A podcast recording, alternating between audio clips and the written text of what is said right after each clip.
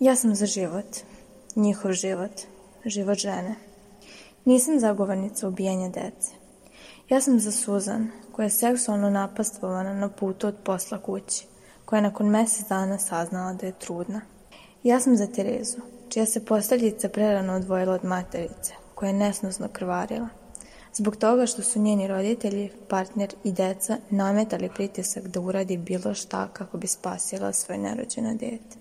Ja sam za Keti, koja je nevinost nasilno oduzeta sa 11 godina.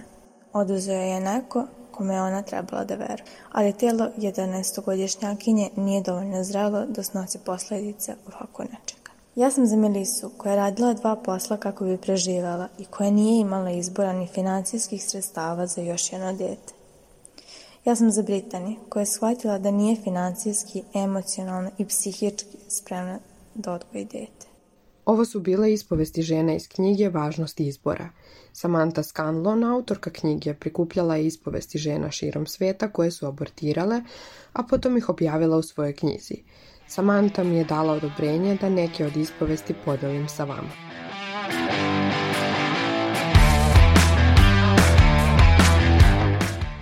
Slušate podcast na zdravlje. Moje ime je Nikolina Ilić i sa mnom ćete u narednih nekoliko meseci učiti o zdravlju.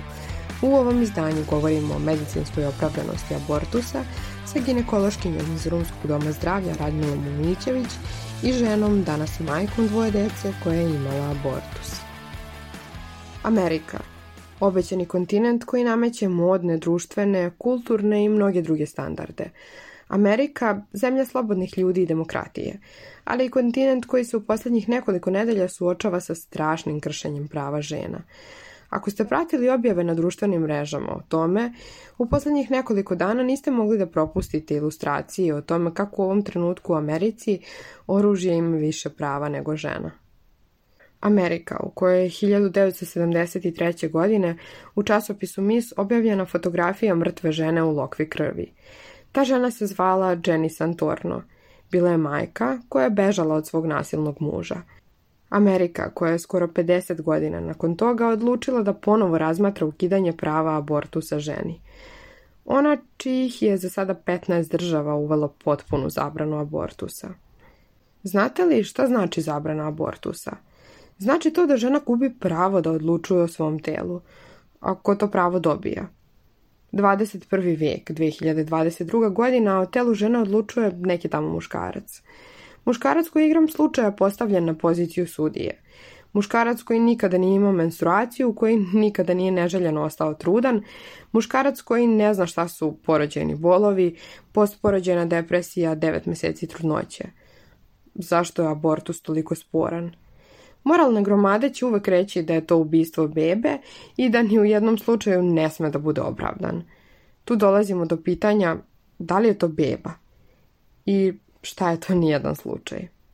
Jedna od definicija abortusa kaže da je to prekid trudnoće pre sposobnosti ljudskog ploda za život. Prema toj definiciji beba se nigde ne spominje. A razlog za abortus, recimo nedovoljna financijska sredstva, prenatalni test koji pokazuje da nešto nije u redu sa bebom ili silovanje ili incest. Kome pripada reproduktivno pravo žene?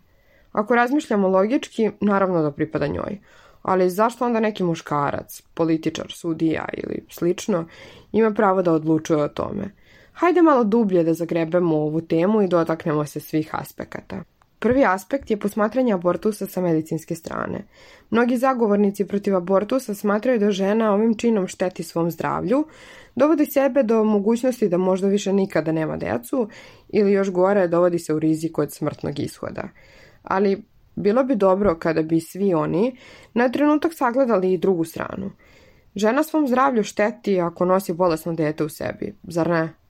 Šteti svom mentalnom zdravlju ako u njoj raste plod koji ona ne želi, za koji nije spremna. Nije li to onda celoživotna robija i njoj i tom detetu? Ginekološkinja u Romskom domu zdravlja Radmila Umićević objašnjava da li je sa medicinske strane abortus opravdan. Sa stanovišta medicine svaki abortus koji je rezultat odluke žene i koji se obavi u zakonskom roku je opravdan. Ako govorimo o štetnosti abortusa, odnosno komplikacijama, one su moguće. Postoje rane komplikacije kao što su krvarenje, infekcija, proboj materičnog zida i zaostajanje rezidualnog tkiva u materici. Kasne komplikacije obuhvataju psihološke posledice zbog samog zahvata – i sindrom, odnosno oštećenje bazalnog sloja materične sluznice i moguć sterilitet. Ove komplikacije, ukoliko se abortus provodi po svim pravilima struke, su danas svedene na minimum. Proboj materičnog zida ili perforacija materice je povreda koja nastaje pri instrumentalnim manipulacijama u materici ili pri pokušaju provokacije pobačaja. Vrlo je rijetka u domovima zdravlja i privatnim klinikama. Češće se javlja kao posljedica abortusa koje obavljaju neuki ljudi.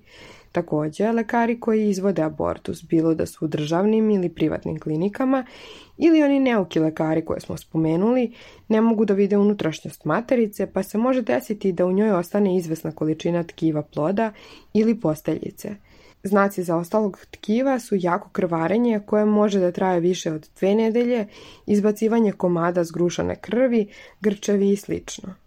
Pored ukidanja presude Roe protiv Wade u Americi 2022. godine, sa kojim su žene zapravo izgubile pravo na abortus, 2020. godine smo imali slučaj u Poljskoj koji je uzdrmao svijet – Trudnica u 20. nedelji trudnoće je umrla usled rigoroznih mera o zabrani abortusa. Njen fetus je ostao bez plodove vode, a lekari su čekali da umre. Nakon toga imamo ovogodišnji slučaj na Malti, gde takođe postoji zabrana abortusa.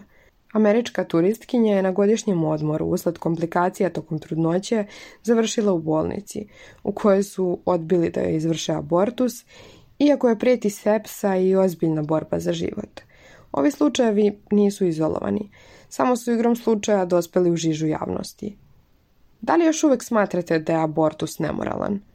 Ili drugačije da postavim pitanje. Da li je moralno da žene nose u sebi mrtvu decu i čekaju da one umru? Jedna od najčešćih fraza koja meni mnogo para uši jeste ta da žena ako je već bila sposobna da stupi u nezaštićene polne odnose, treba da bude dovoljno svesna da snosi posledice. Međutim, Često su muškarci ti koji ne žele da koriste prezervativ, jer im je tako bolje osjećaj. I često su žene kulturološki uslovljene da pristanu na to. A jednostavno ne bi trebalo da bude tako, jer one najčešće ne žele. Prekid snošaja pokazalo se jedna od najčešćih kontraceptivnih metoda kod mladih. Naravno, nema kontracepcije koja pruža 100% sigurnost, ali je bojazan od neželjene trudnoće smanjena na minimum sa kondomima ili kontraceptivnim pilulama – Pored toga, najčešći sledeći scenarij je pucanje prezervativa koji može da rezultira neželjenom trudnoćom. Meni lično su mučni razgovori o ovoj temi, posebno sa ljudima koji se u prvoj rečenici odmah pozivaju na religiju.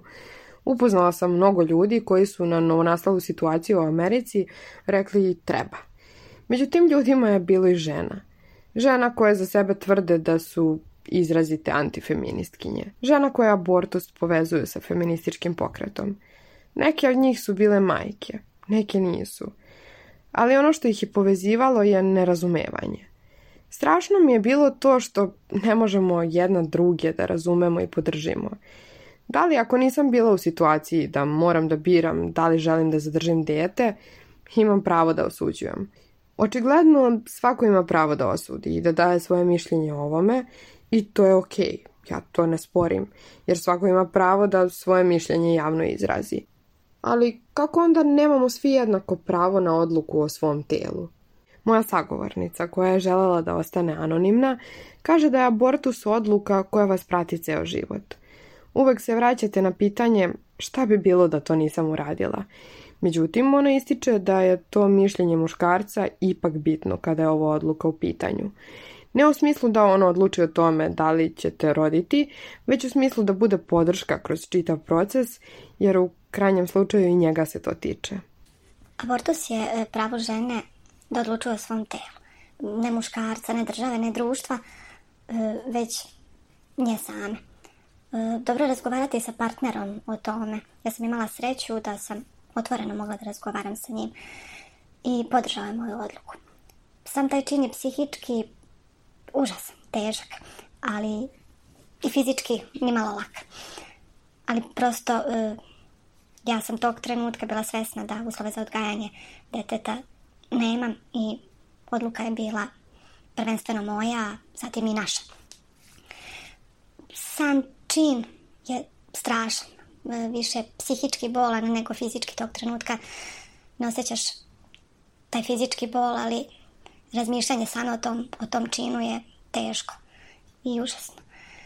Ne traje toliko dugo, ali, ali je nešto što mislim da ostavlja, e, ostavlja neki psihički trag na, na, na svakoj ženi.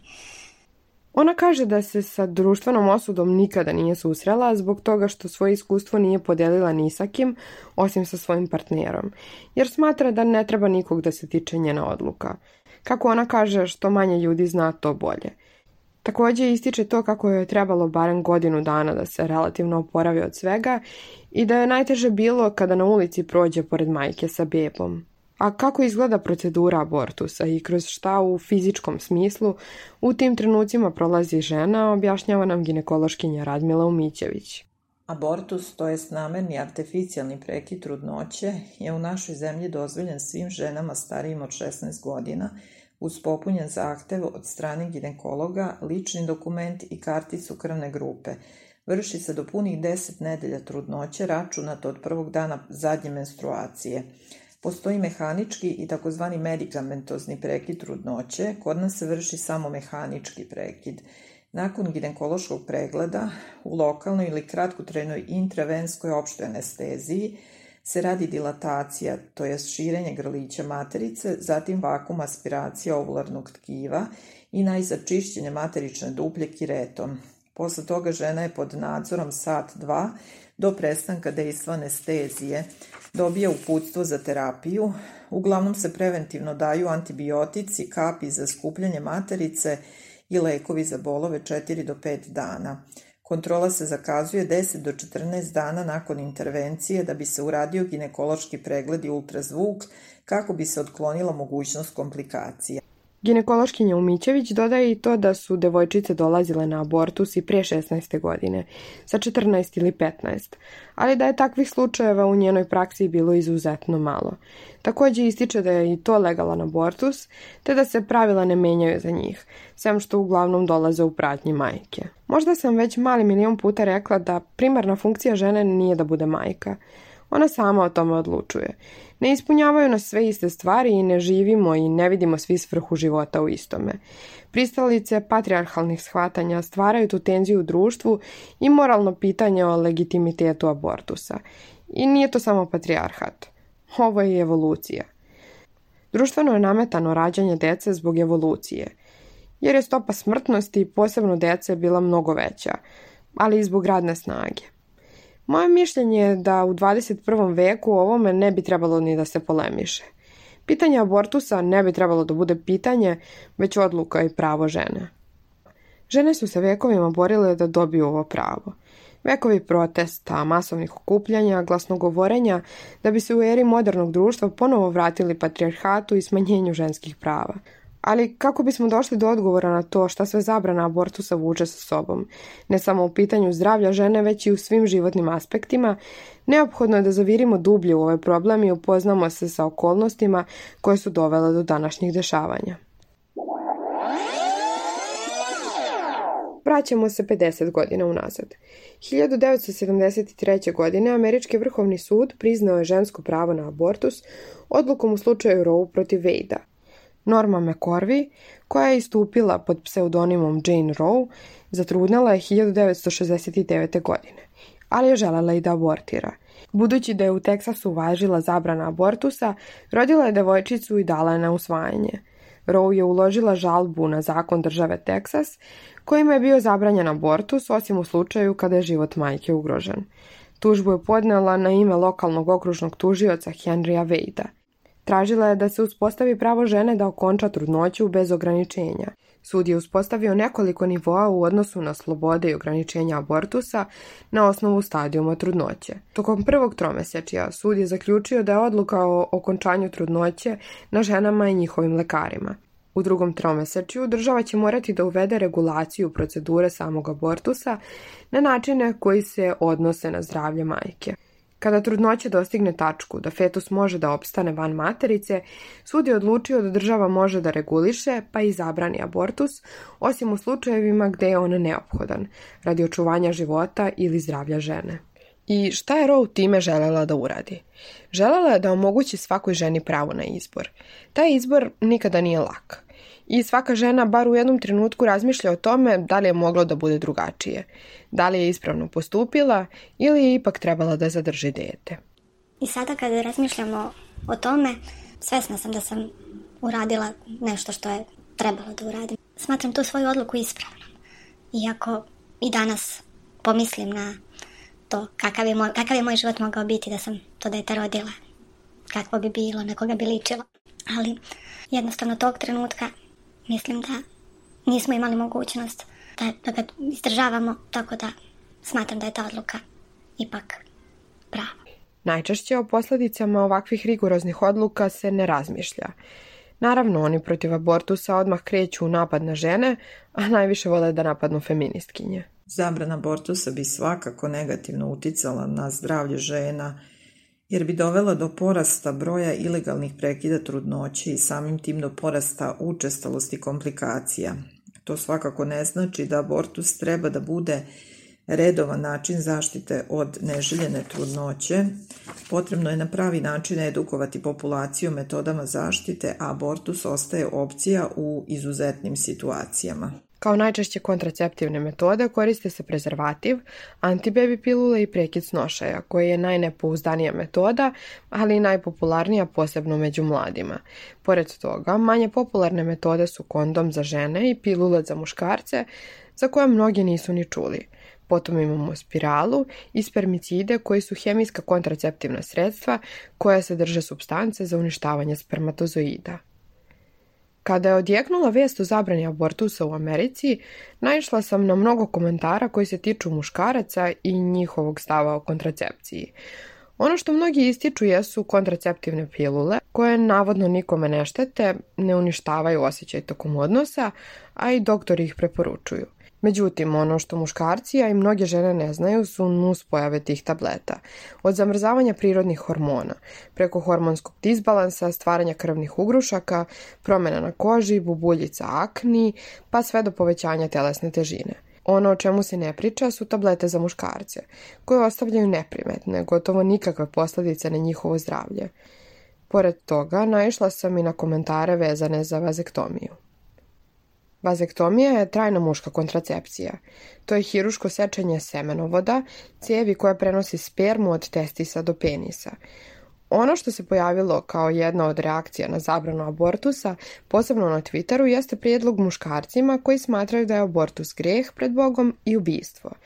Ako žene već nemaju pravo da odlučuju o abortusu, ako vi ne želite da imate seksualne odnose samo dva ili tri puta u toku života kako biste napravili dete, Zašto ne biste probali vazektomiju i ne bi bilo potrebe za abortusom? A pored svega toga, i tada bi morao da postoji abortus kao legalna opcija zbog mogućnosti silovanja, incesta ili bolesnog ploda. Abortus je pravo žene da odluči o svom telu. Ne muškarca, ne društva, ne države. Razlog za abortus ne može i ne treba da zna niko do žene i njenog partnera, niti treba da se meša u to može da ostavi zdravstvene posledice, ali pre svega ostavlja psihičke. I verovatno ih ostavi na svakoj ženi. Bar tako da ona, kao i naša sagovornica, razmišlja o tome kako bi izgledalo to dete, na koga bi ličilo, da li bi bilo pilot, pilotkinja, pravnik ili pravnica.